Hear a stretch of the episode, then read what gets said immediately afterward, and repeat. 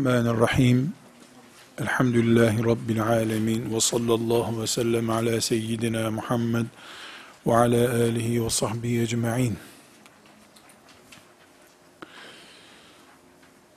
Değerli kardeşlerim, ilim meraklıları, alimlerin sevenleri, ilmi işi olarak görenler olarak hepimiz ibretle izleyeceğimiz bir ders yapmak istiyorum. Ümmetimiz ilmi farz gören bir ümmettir. Namaz gibi ve diğer farzlar gibi. Evet, farz-ı kifaye boyutu vardır da herkes alim olması gerekmiyordur. Ayrı bir bab. Bu ümmet Resulullah sallallahu aleyhi ve sellemin gününden itibaren ilmi, ilim elde etmeyi farzlardan bir farz olarak görmüştür. Bunu elde etmeyi ibadet olarak görmüştür. Bu ibadeti de yer yer cihat düzeyine çıkarmıştır. Çok net anlaşılacak bir cümle kullanıyorum arkadaşlar. Fethetmek için gittikleri diyarları ilim elde etmek için de giderek ihya ettiler. Bu ümmetin ordularının kullandığı güzergahları talebeleri de kullandı. Alimleri de kullandı. Sırtında tecihizatı ile cihada gidenler kadar sırtında defteri, kalemi ve kitabı ile mürekkebiyle yol alan talebeleri de vardı bu ümmetin.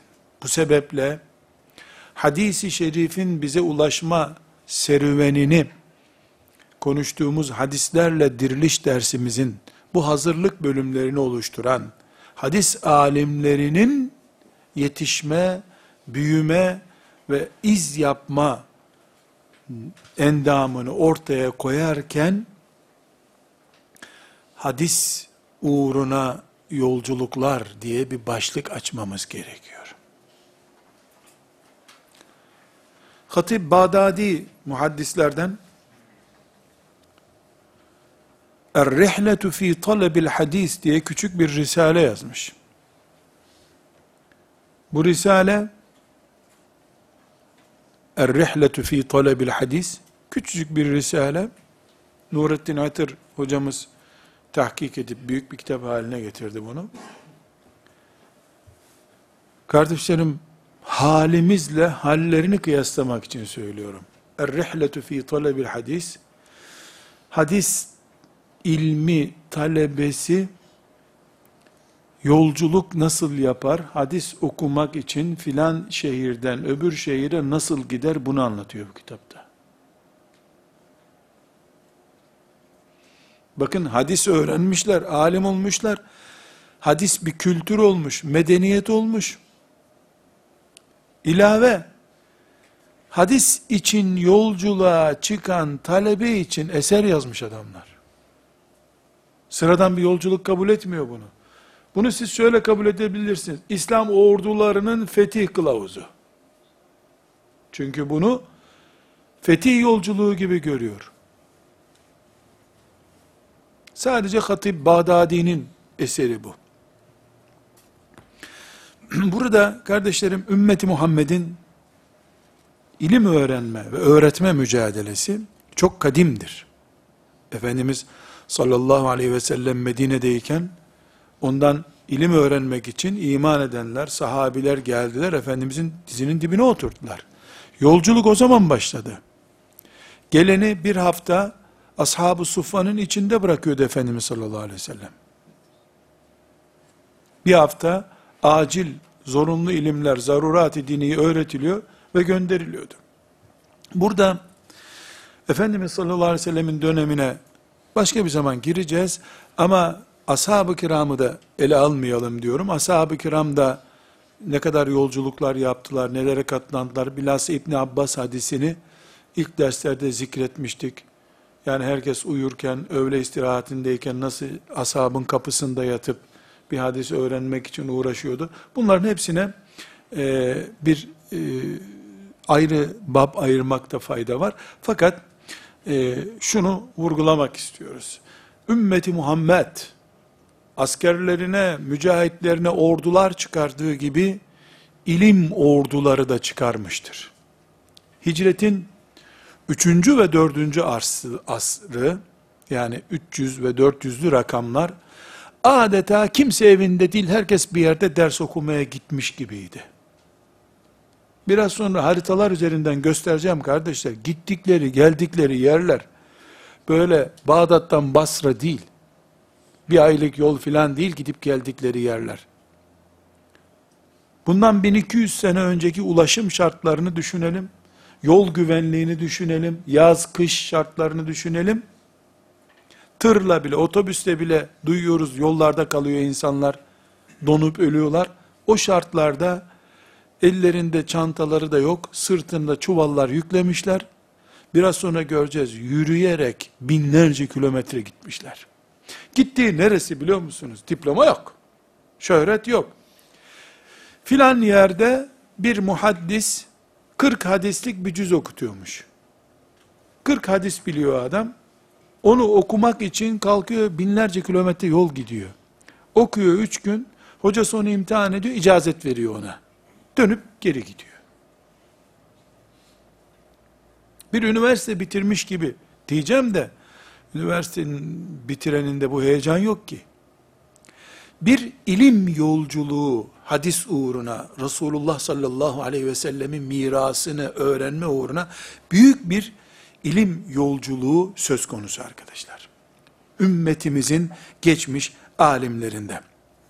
Burada çok önemli e, ipuçları e, verip geçmişimize saygıyı kökleştirmek istiyorum. Yoksa şu anda internet bu yolculukları yapıyor. Gerek kalmadı.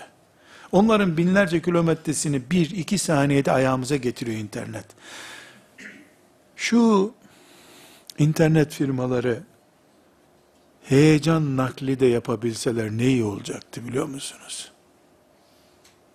O alimlerdeki ilim heyecanı, aşkı, ondan da biraz taşıyabilseler bize, eh o zaman iş tamamdı işte. Sadece bilgi taşıyor. Hamaliyeli şeyler taşıyorlar bize. Özellikle bu alim insanlar kardeşlerim, çok yoğun bir şekilde ilim yolculuğu yapanlar, genç yaşlarda da bu yola çıkmışlar.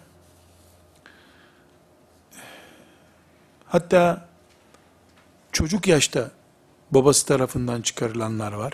Böyle bu yolculuğa. Ee, ama ortalama 20 ile 50 yaş arasında yolculuk yapılmış. ilim yolculuğu. Boyutunu konuşacağız bu ilim yolculukların. Genç yolculuk yapanlar arasında en genci İmam Buhari herhalde gözü 18 yaşında yola çıkmış. İbn Asakir de o yaşlarda yolculuğa çıkmış. İlim yolculuğuna. Ve gittikleri yerler arkadaşlar şöyle kabul ediniz. Biz Türkiye üzerinden anlatayım. Mesela e, İstanbul'dan Sivas'a gidiyor. Sivas'tan Siirt'e gidiyor. Dönüyor oradan İzmir'e geliyor. İzmir'den duyuyor ki ona diyorlar filanca meşhurdur. Edirne'ye gidiyor. Edirne'den İstanbul'a dönüyor. Bu üç sene, beş seneyi buluyor. On seneyi buluyor. 20 şehir geziyor, 30 şehir geziyor. Burada bir örnek vereceğim arkadaşlar. Sekavi isimli büyük muhaddislerden biri 902 yılında vefat etmiş. Öyle hatırlıyorum. 900 estağfurullah 600'lü e, yıllardan biri pardon 600. yıllardan birinde vefat etmiş olması lazım. 80'den fazla şehir gezmiş. Bu şehirlerin hiçbiri yanı başındaki bir kasaba değil. Horasan neresi? İsfahan neresi? Basra neresi? Yemen neresi? Medine neresi? Bir dünya turuna çıkar gibi çıkmış ve bu e, Sehavi 1200 1200 alimden icazet almış. 1200 80 vilayete gitmiş, 1200 insanın önüne oturmuş. Kiminden 10 ciltlik bir kitabı okumuş, kiminden 10 sayfalık bir kitap okumuş. Öğleye kadar 3 hocaya bölmüş vaktini, ikindiye kadar 5 hocaya gitmiş. Kimine hiç gitmemiş, bu kitabını mesela ezberlemiş, sadece imtihan olmaya gitmiş icazet almak için. Ben bu senin kitabını biliyorum demiş, o da imtihan etmiş, onu biliyorsun demiş, icazet vermiş. 1200 üniversite bitirmiş diyebilirsiniz. 3-4 fotokopi kağıdından üniversite bitirilen bir zamanda herhalde başka diyecek bir söz bulamıyorum ben arkadaşlar. Burada çok önemli bir nokta bunu açmam gerekiyor. Bu yolculukla ilgili bir, bir şerh yapmam lazım arkadaşlar. Öbür türlü içim rahat etmeyecek. Şimdi öğrenci arkadaşlarım geliyorlar.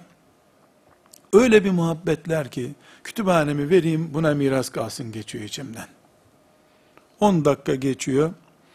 Ama hocam o arada bir e, çok mütedeyyin ve tam böyle Meryem olacak bir hanımefendiyle de görüşüyoruz biz. Sakıncası olmaz bunun değil mi hocam diyor. Ne sakıncası olur? Allah'ın emrinde sakınca olur mu la?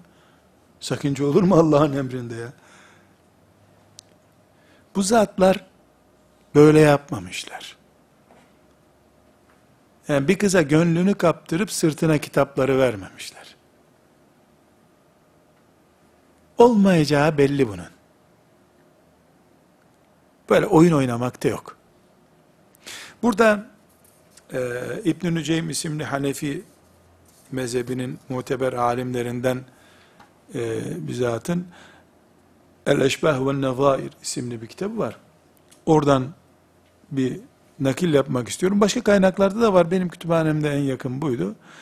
Ebu Hanife rahmetullahi aleyhin Ebu Yusuf'a vasiyeti vardır. Bildiğimiz vasiyet, ilim yolcuları için çok önemli e, örnekler zikreder orada. O vasiyette e, İbn-i Nüceym'in vasiyetin ya, naklettiği bu vasiyetinde e, Ebu Hanife rahmetullahi aleyh Ebu Yusuf'a ilim yolculuğunun formülünü öğretiyor arkadaşlar. Diyor ki önce ilim işini hallet. Sonra helalinden kazanmaya çalış, sonra evlen diyor ya. Çünkü eğer ilimle meşgulken para da kazanayım dersen o ilim ilim olmaz. Eğer evlenince evlendikten sonra ilimle meşgul olayım desen o ilim de ilim olmaz. Bunlar birbirine karışmamalı. Ebu Hanife'nin bu sıralamasını unutmuyoruz. Önce ilim, sonra bir kazanç, sonra evlilik. Tabi normal şartları konuşuyor. Üniversite amfisinde zırıl sıklam aşık olmuşun, ne ilim kaldı ne film kaldı o zaman. Bu normal bir aile terbiyesi, ümmeti Muhammed'in terbiyesi. Vakıfların, medreselerin, ümmeti Muhammed'in gençlerini yetiştirmek diye derdi olanların e, himmetinin sonucu olarak bunu söylüyorum ben.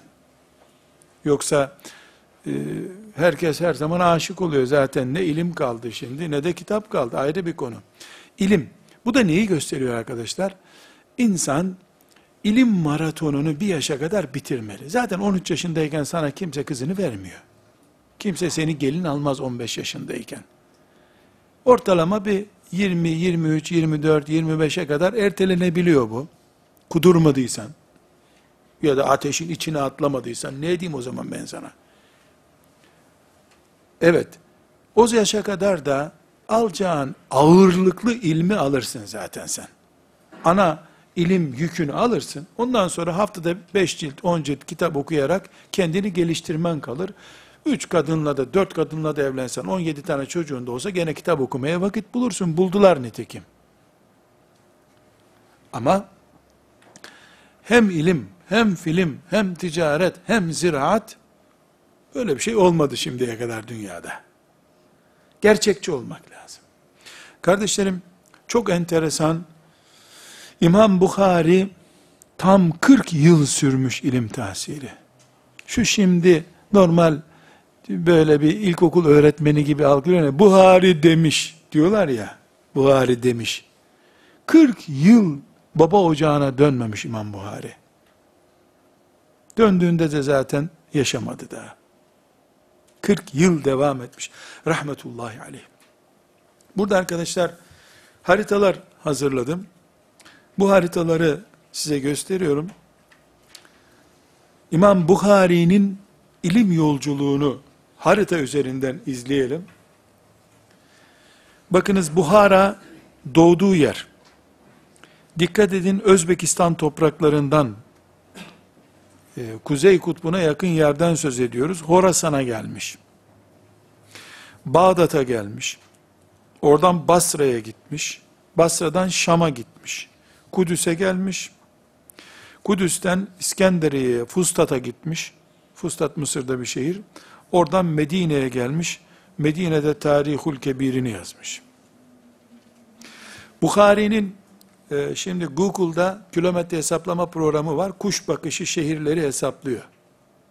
Mesela Buhara'dan Horasan'ı, Horasan'dan Bağdat'ı kuş bakışı ama hesaplıyor.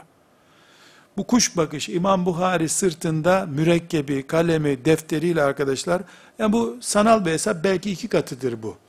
Sadece gittiği şehirleri hesaplatınca 5198 bin kilometre yapıyor. İmam Buhari'nin ihtimal belki bir atı vardı. Bir merkebi vardı belki de. Aynı tabloyu İmam Müslim için gördüğümüzde arkadaşlar, İmam Müslim Horasanlı, oradan Bağdat'a, Bağdat'tan Şam'a, Şam'dan Fustat'a, Fustat'tan tekrar Mekke'ye gelmiş, Mekke'den Medine'ye, Medine'den Basra, Horasan turları yapmış. 6598 bin kilometre yol kat etmiş. Arkadaşlar kilometre biliyorsunuz değil mi? Bin metre. Onu da 6590 küsürle çarpıyoruz. Hiç mi kış olmamış ya? Bu, bu yerler arkadaşlar şimdi Erzurum'dan, şuradan buradan işte Siirt'ten geçip geldi diyelim. Nereden? Hiç mi kış olmamış? O zaman kar yağmıyor muymuş? Bu soruların cevabı yok. Çünkü Halid bin Velid ne niyetle evinden çıktıysa Müslim de o niyetle evinden çıktı. Onun için şimdi biz Müslim'in sahihindedir bu hadis dediğimiz zaman bu samimiyet dağlar gibi, volkan gibi parlayan bu kalbin samimiyetine karşı yalan mı söylüyor diye soru sormuyoruz. Sahihtir diyoruz. Bu aşkla binlerce kilometre yola düşmüş bir insan pot kırmaz Allah katında diyoruz. İtimat bundan kaynaklanıyor. Klima altında ders okuyan adamlar değil bunlar. Ebu Davud'un ilim yolculuğuna bakınız arkadaşlar. Bugün İran'da bir şehir Sicistan'dan yola çıkmış. Bağdat'a gelmiş. Şam'a gitmiş. Kudüs'e gitmiş. Mekke'ye gitmiş. Basra'ya dönmüş. Basra'dan Bağdat'a gelmiş. 6356 kilometre kuş bakışı bakıldığında kat ettiği dağlar, vadiler, çöller, mesela e, nehirden dolaşmamak için dikkat ediniz. Sicistan'dan Kızıldeniz'i geçebilmek için Kızıl Denize, estağfurullah Hint okyanusuna takılmamak için e, ta Bağdat tarafına gidiyor. E, halbuki normalde biraz daha e, aşağıdan kayıkla geçse filan e, belki yolu bin kilometre azalacak. O zamanki fırsat yolculuklar. Nesai'nin ilim yolculuğuna bakınız. Nese'de bugünkü İran'da bir şehirdir. Rey, Bağdat, Basra, Medine, Mekke, oradan dönüyor Fustat, Kudüs. Fustat'a Mısır'a niye uğruyorlar? Amr bin As'la beraber orada bir medrese kurulmuş. Ashabın kalıntısı var oralarda. Ashab-ı kiramın, Amr bin As'ın, Abdullah bin Amr'ın talebeleri var. O talebeleri yakalamaya çalışıyor. İlim merkezleri bunlar. 5005 kilometrede kuş bakışı bu gitmiş. Tirmizi'nin yolculuğuna bakın arkadaşlar. Buhara, Tirmizi yine e, İran'da bir şehir. Horasan, Rey, Bağdat, Basra, Medine, Taif bu Mısır görmemiş. İbn Mace'nin yolculuğunu inceleyin. İbn Mace e, bu Hazar denizinin altında bir Kazvin'den geliyor. İşte Basra tekrar Rey'e gidiyor. Rey'den geri geliyor. Bağdat, Şam, Kudüs. Bunların bir sadece arkadaşlar zaten gidişlerini hesaplıyoruz. Bu yollardan geri dönüp evlerine de gitti bu adamlar. O kadar daha da üstüne koyacağız. Kardeşlerim, bu diploma uğruna yapılabilir bir şey değildir. Şöhret uğruna da yapılmaz. Şöhret mi kaldı ya? Yollarda ayağı patlamış adamın. Bu ancak Halid bin Velid'in kalbindeki cihat aşkını kitaba taşıdığın zaman yapılabilir bir şeydir.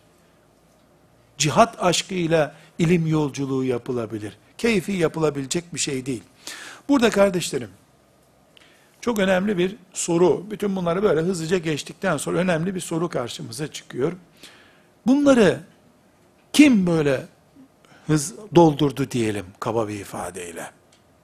Ya da bunlar özel seçilmiş insanlar mı ya? Farklı bir akılları mı var?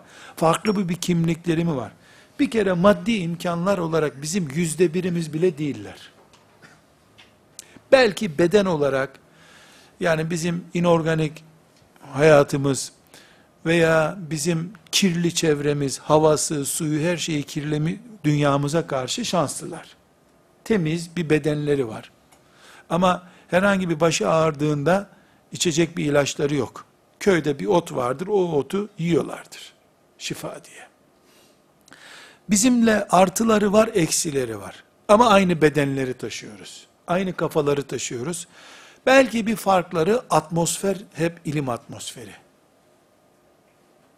Yani mesela şimdi bir genç Buhari'yi ezberlemeye kalksa herhalde e, hayrola ya sen ilahiyata gidemedin mi? diye sorulur yani ilahiyata git, git ne ihtiyaç var? O zaman Bukhari'yi ezberleyene de adam diye bakıyorlardı. Böyle bir fark var. Toplum e, gözü, toplumun mümin gözü, toplumun ilme saygı gösteren gözü büyük bir fark şüphesiz. Burada arkadaşlar e, bu mesafelerde Ebul Ala el-Hemedani diye bir zat var. 569 yılında vefat etmiş. E, Isbahan'la Bağdat arasını sırtında kitapları, kalemi ve mürekkebiyle Isbahan, Bağdat. Haritadan açıp bakalım. Üç ülke var arada şimdi arkadaşlar. İspahan'la Bağdat arasında. Üç ülke kadar mesafe var. Sırtında kitaplarıyla yürüyerek gidip geldiğini söylüyor. Çünkü fakir bir merkep bulsa ona saman parası bulamayacak. Yürüyor. Ama ilim deyince de akla geliyor. Burada çok büyük bir meşakkate katlandıklarına hiç bir şekilde şüphe yok. Fedakarlık yapıyorlar. Yani tıpkı ne gibi biliyor musun? Bir sahabi Uhud'da şehit olmaktan ne anlıyorsa, cihat ruhlu oldukları için bu yürüyerek İspahan'dan Bağdat'a gitmekten de onu anlıyor bu. O da onu anlıyor. Kıyamet günü beni Allah Uhud şehitleriyle beraber diriltecek diyor. Bunu bir fırsat olarak görüyor. Burada kardeşlerim, e, İmam Şafii'den bir şiir nakledeceğim. İmam Şafii rahmetullahi aleyh, e, bütün bu bahsettiğimiz şartları özetliyor. E, Tabi e, bunu ezberleyelim desem, bari bunu ezberleyelim desem, bu ezberlense iyi olur desem, iyi iş yapmış olurum zannediyorum. Bu şiiri ezberleyelim. Hafızlar da ezberlesin. Ayet değil, hadis değil, abdest almak şart değil ama biz bu Şafii'nin şiirinden sonra böyle olabilir miyiz desek, alimallah kendim için söyleyeyim, olmaz. Bu şiirle adam adam olmaz. Şiirle adam adam olmaz zaten. Ama Şafii'yi anlarım. İlim serüvenini anlatıyor çünkü. Ehi len tenâlel ilme illa bi sittetin se'umbike an tefsîlihâ bi beyânih zekain ve hırsin ve iştihadin ve bulgatin ve suhbeti üstazin ve tuğli zemani. İmam Şafii rahmetullahi aleyh çok büyük şair arkadaşlar. Yani divanında böyle nasıl söyleyeyim yani müthiş denecek düzeyde etkili cümleler var. İlham sahibi, Allah'ın ilham ettiği bir insan şüphesiz. Her şeyi bereketli. Ehi len tenâlel ilme illa bi sittetin. Seumbike an tefsiliha bi beyani. Zekain ve hirsin ve iştihadin ve bulgatin ve sohbeti üstazin ve tuğli zemani. Ehi kardeşim len tenâlel ilme ilme ulaşamazsın illa bi sittetin. Ancak altı şeyle ulaşabilirsin. Yani altı barajı açınca ilim kapılarını sana açar. Se umbike an tefsiliha bi beyani. Sana bunları açıklayayım. Açıklayarak haber vereyim. Zekain, bir kere zekan olacak. Bir, altını çizebiliriz. Ve hırsin, hırsın olacak. Bıkıp usanmayacaksın. Üç kere okudum olmadı, on kere okudum. Hep okuyacaksın. Ve iştihadin ve çalışacaksın. Kuru hırs da yetmez. Ve bulgatin rızık derdinde olmayacak. Yani bir miktar burs da bulacaksın babandan, annenden, kimdense. Ve suhbeti üstadin ve bir hocanın dizinin dibinde kalacaksın. Ve tuğli zamanin ve uzun zaman bekleyeceksin. Sömestri değil, ömür bekleyeceksin. Demek ki İmam Şafii rahmetullahi aleyh o büyük alim, müçtehit, ümmeti Muhammed'in göz bebeği Muhammed bin İdris rahmetullahi aleyh Şafii altı şeyi ilmin altyapısı görüyor. Zeka, hırs, çalışma, ekonomik ihtiyaçların karşılanması, hocanın yanında kalmak ve uzun sabır. Uzun sabır. Bir ders, iki ders değil, bir ömür harcayacaksın. Diyor İmam Şafii. Bu şiir arkadaşlar İmam Şafii tanımamıza yardım eder ama bunu 40 kere okuyup, ıhlamur çayıyla kaynatıp, sonra da e, şifalı bir şekilde ona üfürüp, içen alim olur demiyor. 40 bin kere okusan da alim olamaz. Vakit israf etmiş olursun sadece. Ama İmam Şafii ulaştığına nasıl ulaşmış ya da onun zamanında hicretin ikinci asrında insanlar ne yapıp da ilim sahibi olmuşlar onu gösteriyor. Zeka Allah'tan geliyor. Hırs senden. İçtihat senden. Bulga dediği ekonomik imkan. Kitap parası bulacaksın, ekmek parası bulacaksın. Onu baban yapıyor, vakıflar yapıyor zaten. Sohbeti üstaz, bir hocanın yanında olacaksın. Kütüphanede olmaz. Ve tuğli zaman. Uzun zaman sabredeceksin. Üç gün, beş gün değil. Bir ömür. Bunu yaparken arkadaşlar, yapmaya karar verip mi yapılır? İnsan böyle mi yetiştirilir? Kundaklanırken mi bu aşı yapılır? Bu konulara girmek istemiyorum. Herhalde bu kundakta iken üflenen şeylerden biridir bu heyecan. Fakat sadece bir örnek zikredeceğim. Bir gün Abdülfettah Ebu Gütte hocam rahmetullahi aleyh rahmeten vasiaten büyük oğlum Sadullah'ın doğduğu senelerde Türkiye'ye gelmişti. Gece onunla meşgulüm. Ertesi gün de hocam ziyaretimize geldi. Böyle bitkin gördü beni. Ne oldu Nurattin dedi. Şey hocam biraz uykusuz gibiyim filan dedim. Niye dedi. Böyle böyle dedim. İyi iyi dedi. Ondan sonra e, o arada onun yanında birkaç tane iş görmek zorunda kaldım. Biraz uf pufladım yani hoca efendi teşrif etmiş evimize. Nereden çıktı bu telefonlar şimdi böyle sinirlendim biraz. Dedi ki Nurattin sana dedi mütenebbiden bir şiir yazayım dedi. Hemen aldım defteri getirdim. Buyur hocam dedim. Bu şu anda sizin elinizin altındaki metni yazdı. Mütenebbiden bu şiir. O izâ kânetin nüfusu kibâran te'ibet fî muradihel Bunu ezberleyeceğiz arkadaşlar. Büyük iş yapacaksak. Kânet en nüfusu, nüfus benlik demek, şahsiyet. İzâ kânetin nüfusu kibaran, kişinin benliği büyükse, te'ibet, yorulur. Fi muradiha, o benliği cevaplamada el ecsamu bedenler. Ben Türkçeleştireyim bunu.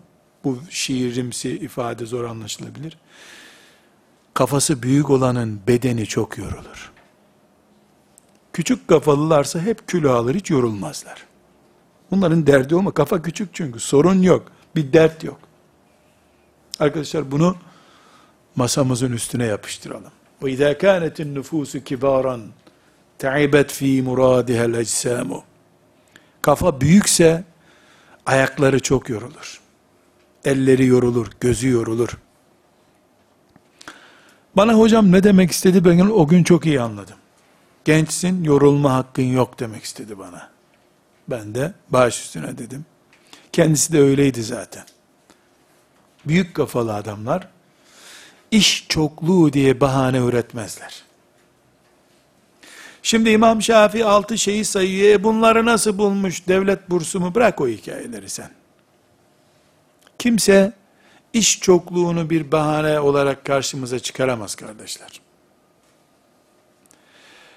İş çokluğu kadar Allah'ın yardımı da hak ama. Yaptı adamlar işte. Yaptılar. On binlerce kilometre yol kat edip bir cilt kitap okudular. On tuşa basarak sen bir cilt kitap okuyamıyorsun. Klavyeye basıyorsun, o ise kıtadan kıtaya basıyor. Asya'dan Afrika'ya geçiyor. Bir cilt kitap okumak için. Afrika'dan Asya'ya tekrar geçiyor. Sen bir programdan öbür programa geçemiyorsun. Geçemiyoruz. Ve izâ kânetin nüfûsü kibâran ta'ibet fî murâdihel ecsamu. Büyük kafaların bedenleri çok yorulur. Kafa büyük çünkü. Çünkü onlar فَاِذَا فَرَغْتَ فَانْصَبْ adamıdırlar. Yoruldukça bir işe geçerler. Çok yorulunca öbür işe geçer. Onda yorulunca öbür işe geçer. Böyledirler. Burada kardeşlerim, eskiler, eskiler derken bu adamları kastediyorum. Bizim gibi insandılar. Onlar da bu sıkıntıları görüyorlardı. Yani onlara gökten böyle zembille ilim inmiyordu. Onlar da meşakkat çek, onlara da dayanılmıyor filan diyorlardı. Belki onlara da hocaları gelip zaten mütenebbi bu şiiri niye söyledi ki? İzâ kânetin nüfûsü kibâran te'ibet fî murâdihel ecsamu. Demek ki mütenebbi de bunu böyle birisine işittirmek istedi. Burada arkadaşlar eskilerin de hissiyatına ama bakın ne yapmışlar. Bir hoca talebesinin çok yorulduğunu, dersleri yetiştiremediğini, verdiği ödevi henüz yapmadan öbür ödevi verdiğini itiraz edince demiş ki, yavrum demiş, talibul ilmi yahtacu ila mali karun ve umri nuh ve sabri eyyub. İlim talebesi Karun'un malına, Nuh'un ömrüne, Eyyub'un sabrına muhtaçtır. Karun kadar malın var kabul edeceksin. Çünkü kitap heyecanı var ya yazılmış her kitabı alacak. 950 senelik programlar yapacaksın. Senelerce felçli yatsan bile itiraz etmeyecek kadar sabrın olacak. Karun malı, sembol olarak bunlar tabi. Nuh'un ömrü, Eyyub'un sabrı. Talebenin silahı bunlar. Bu silahla donanmış talebe, çok önemli. Gayesine ulaşmış talebe demektir. Burada kardeşlerim bir başlık açacağım. Şimdi başlığımız şu. Bu alimlerin babaları zengin miydi? Burs mu buldular hep? Evet, o dönemlerde 3. 4. 5. 6. asırda Müslümanlar Basra, Bağdat, Şam, bilhassa Şam Son yıllara kadar da Şam öyleydi. Talebeye kucak açmışlar hep. Talebeye kucak açmışlar. Vakıflar kurulmuş. Ama her halükarda arkadaşlar yani taşıma suyla değirmen dönmez. İnsanların bir geliri olması lazım. Fakat alimler, büyük alimler çok enteresan bir şey söylüyorum. Aynı zamanda meslek sahibiymişler. Bursçu değil, burslu değil, meslekli adamlar yeni bir kitapla karşılaştım. Abdülbasit İbni Yusuf el-Garib isimli bir zat, At-Turfe fî men nüsibe minel ulemâ ila mihnetin ev hirfetin isimli bir kitap yazmış. Zannediyorum doktora tezi gibi bir şey. Arkadaşlar çok enteresan. Dikkat ediniz. 1500 kadar bu büyük eski hicretin işte ilk asırlarında yaşayan 1500 kadar alimin hayatını incelemiş. 400 farklı meslekte iş yaparak kitap yazdıklarını tespit etmiş. 1500 alimin hayatını inceliyor. Bakıyor ki bunlar bir iş yaparak geçirmişler. Bu işleri tespit et. 400 iş kalemi bulmuş. Alimlerin meşgul olduğu. Bunlardan örnekler zikredeyim burada. Mesela meşhur Muhammed, Ebu Bekir Muhammed İbni Halid el-Acuri var. Meşhur alimlerden biri. Acuri, tuğla imalatçısı demekmiş. Adam tuğlacı. İyi de bir şafi fakihi ama. Mesela başka örnekler. Bakillani var. Ebu Bekir Muhammed İbni Tıyib Bakillani meşhurdur. Bakillani diye Osmanlı medreselerinde de bilinen bir alimdir. Efendiler şaşmayın baklacıymış adam. Bildiğiniz bakla. Bakla yetiştirip satıyor. Ama fıkıh halkaları var ders okutuyor. Burs almıyor. Bakla tohumu alıyor. Onunla talebe yetiştiriyor. Kendisi yaşıyor. Meşhur Ebu Bekir Muhammed İbni Abdullah el-Bezzar kumaşçı demek. Kumaş ticareti. Ebu Hanife de biliyorsunuz kumaşçıydı. Fakat daha enteresan büyük fakirlerde Muhammed İbni Ahmet el-Ma'ruf el-Bassal diye anılıyormuş. Soğan pazarında soğan satan bir adam. Soğan yetiştirip satıyormuş. Mesleği o. Daha enteresan Ebu İsmail Muhammed İbni Sadih el-Vasıti bıttihiymiş. Karpuz yetiştirip satarmış. Bostanı var, karpuz satıyor. Daha enteresan arkadaşlar, Urvet İbni Şiim diye bir zat var. Emlakçıymış adam. Emlakçı. Emlak işi yapıyor. Meşhur cessasımız arkadaşlar, Hanefi fukahasından cessas. Cessas ne demek biliyor musunuz? Dağdan madeni, kireci çıkarıp eritip boya malzemesi olarak satan nalbur demek. Cessas. Hanefi fıkhının meşhur alimlerinden bir tanesi. Cevzi kelimesini sık sık duyuyorsunuz. Ceviz tüccarı demek. Muhasebeci var. Ebu Ali el-Hasan İbni Muhammed el-Hasib muhasebeciymiş adam. Adı üstünde muhasebeci. Milletin defterlerini hesaplıyor. Mirasını hesaplıyor. Demirci var. Ebu Muhammed'in Haddad. Demirci adam, demir tüccarı. Mesela Ebu Bekir Muhammed İbni İbrahim Er-Rummani var. Rummani nar yetiştirip satan adamlar. Nar bahçesi var, nar satıyor, onunla geçiniyor ama talebeleriyle ders okuyor. Marangozlar var, bunu çoğalt, çoğaltmayalım. Ama her halükarda arkadaşlar, ümmetimin büyüklerinin şerefi, kimsenin dilinin sürteceği bir alan değil elhamdülillah. Alınlarının teriyle, tuğla yaparak, kireç eritip dağdan getirip boya yaparak, bakla yetiştirerek, karpuz yetiştirerek, emlakçılık yaparak, onlarca ciltte kitap yazmışlar, binlerce de talebe yetiştirmişler. Bu dini omuzlayıp bize taşımışlar. Şerefleriyle, dilenerek değil. Önceki derslerimizde bundan örnekler gördük artık arkadaşlar. İnşallah e, bize de Rabbimiz böyle şerefli ve tavizsiz bir ilim yolcusu olmayı bize nasip eder. Mesela bir kısmı nasıl geçinmişler e, sorusuna cevap bulmaya çalışıyoruz. Bir kısmı nesk yaparak geçirmişler. Nesk dediğine fotokopici. Nessah yapmış.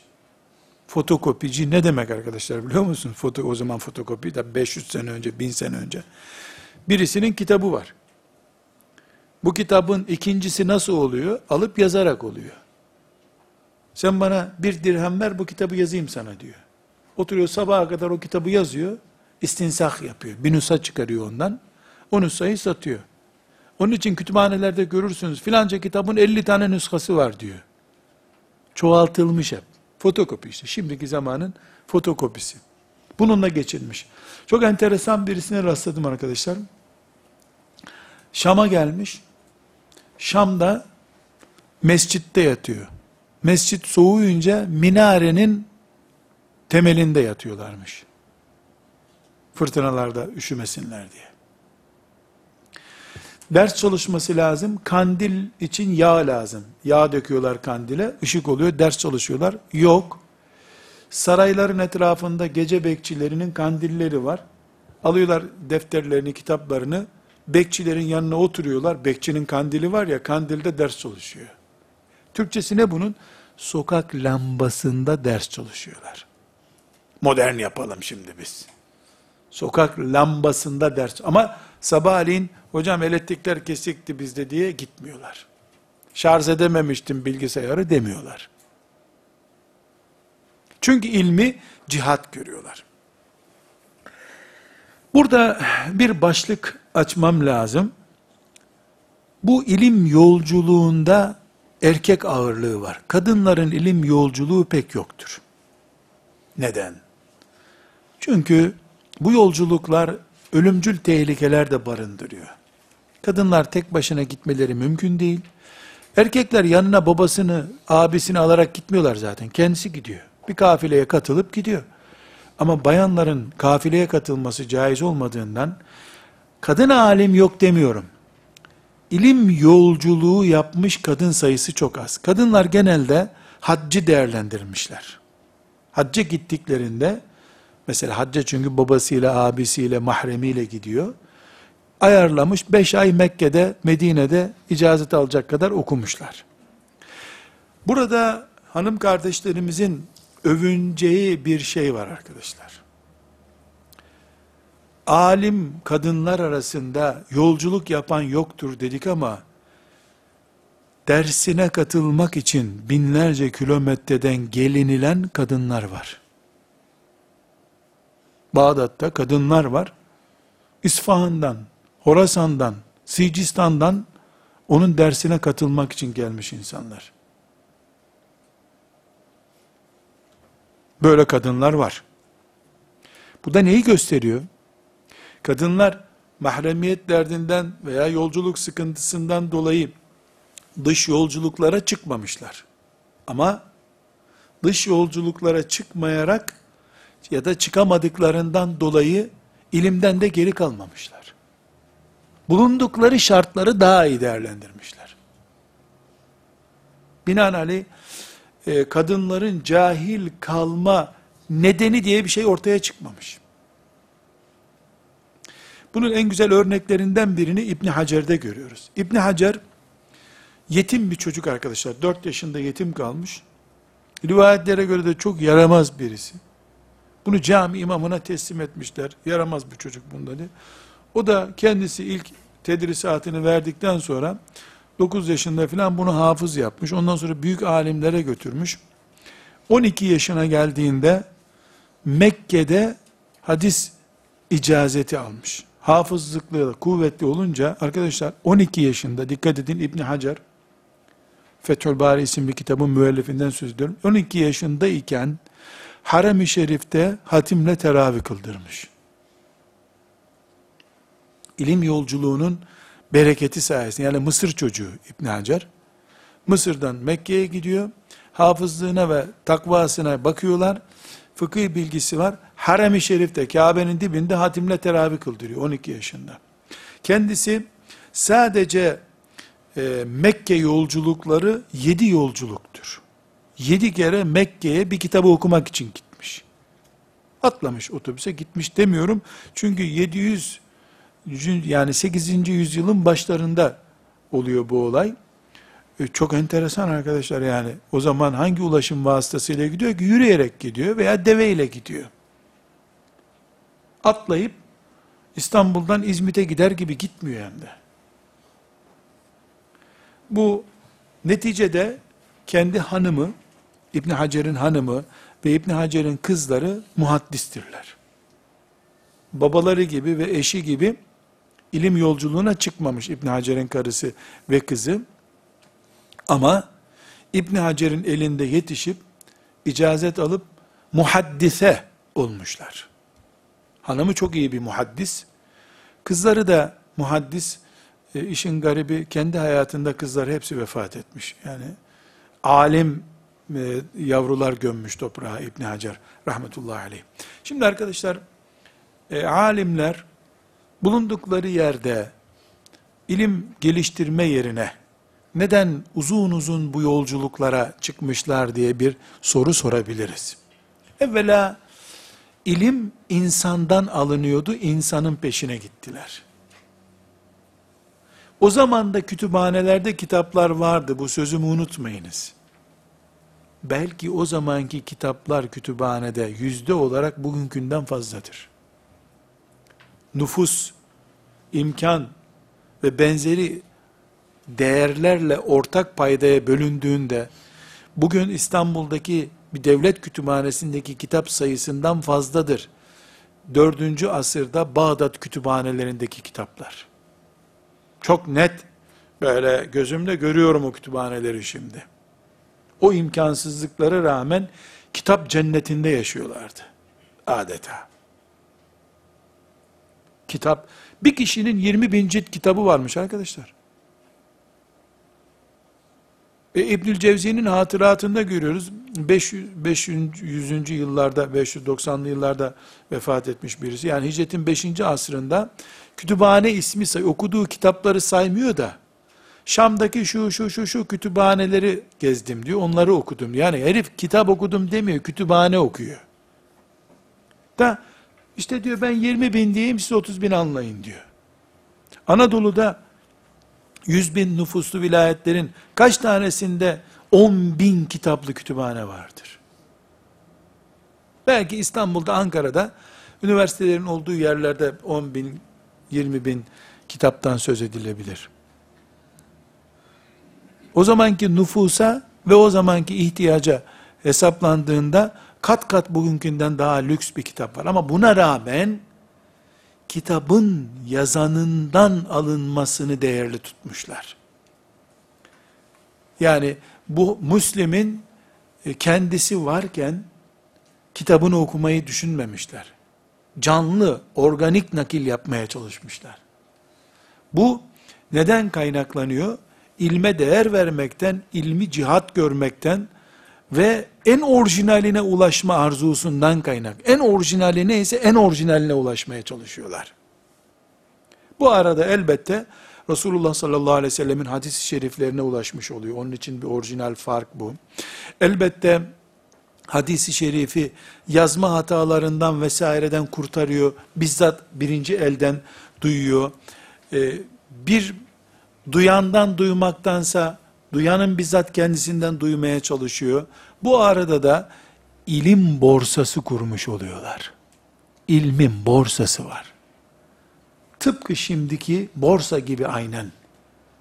Bağdat, Şam, Yemen, Basra, Horasan, Sicistan, Küfe, Rey, Fustat, Mısır, ilim borsaları.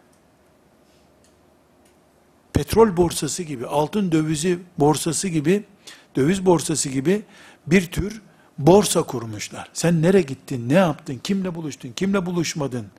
Ve bu sayede de hiçbir teknolojik imkanları olmadığı halde adeta İslam toprağının en uzanı Özbekistan Hazar Denizi'nin kenarından ta Yemen'e kadar günlük iletişim kurulmuş. Orada ne var, burada ne var? Bu sayede de İslam önderlerinin elinden canlı bir yaşama zemini bulmuş. Ta yeni yeni ulaşım kolaylaştı da bu asırda işte Orta Asya'ya e, hoca efendiler gitmeye gelmeye başladı. İşte Afrika'ya gitmeye gelmeye başlandı. Bu hadis alimlerinin seyyah mantığı e, o zaman bu işten daha aktifini yaptı. Çünkü Horasan'dan kalkıyor bir muhaddis Yemen'e geliyor. Hemen onun etrafına kümeleniyorlar. O oraya ders okumaya gelmiş. Horasan'daki birikimi ondan alıyorlar. O oradaki birikimi alıyor. Geri gidiyor. Bir tür arıların çiçeklerden e, taşıyıp aşılama yaptıkları gibi. Hani meyve meyveleri aşılıyor ya arılar bir e, oradan alıp böcekler ya da alıp bir bir meyveden öbür meyveye taşıyor. Yemen'den Horasan'a, Horasan'dan Mısır'a, Mısır'dan Bağdat'a, Bağdat'tan Şam'a, Basra'ya sürekli aşılama yapıyorlar. Allah onlardan razı olsun. Kardeşlerim, alimlerin seyahati ile ilgili çok şey daha söyleyebiliriz ama sadece zihnimizde bir köşe açılsın, ümmeti Muhammed'in geçmişini tanıyalım diye bu başlığı açtık. Bu bir soruyla devam etmeli. Bugün bu seyahatler gerekiyor mu? Gerekiyor diyemeyeceğim. Lüzumsuzdur da demeyeceğim. Yer yer gerekiyor olabilir. Ama bugünün belası, fitnesi, imtihanı ilmin her arayanın masasına gelmiş olmasıdır. İlmin peşinden gidiliyordu, şimdi ilim insanlara yalvarıyor. Herkesin masası bir kütüphane arkadaşlar. Ama himmet, gayret, zekaun, hırsun, iştihadun, bulgatun yok artık. Sorun burada.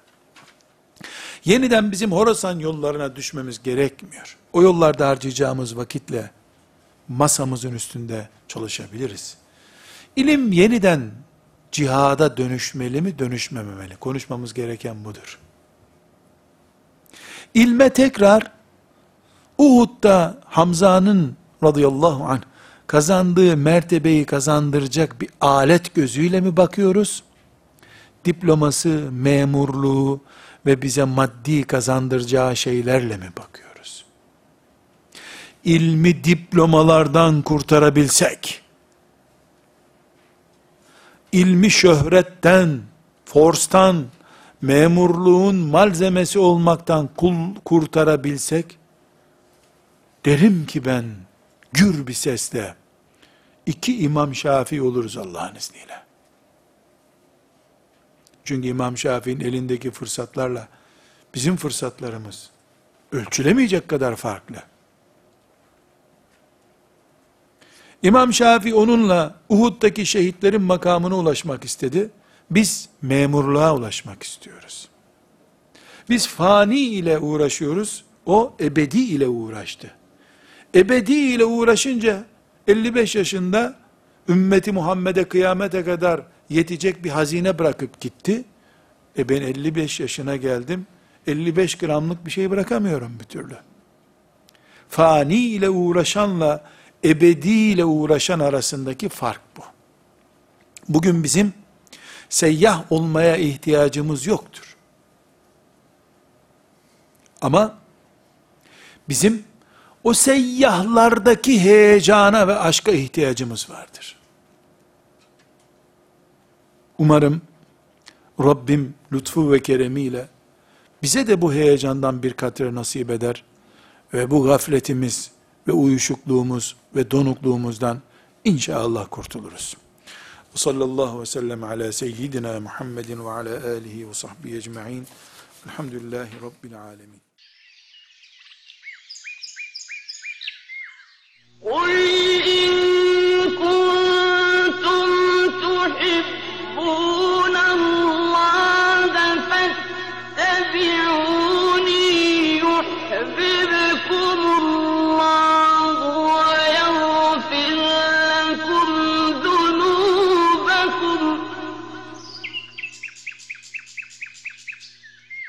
والله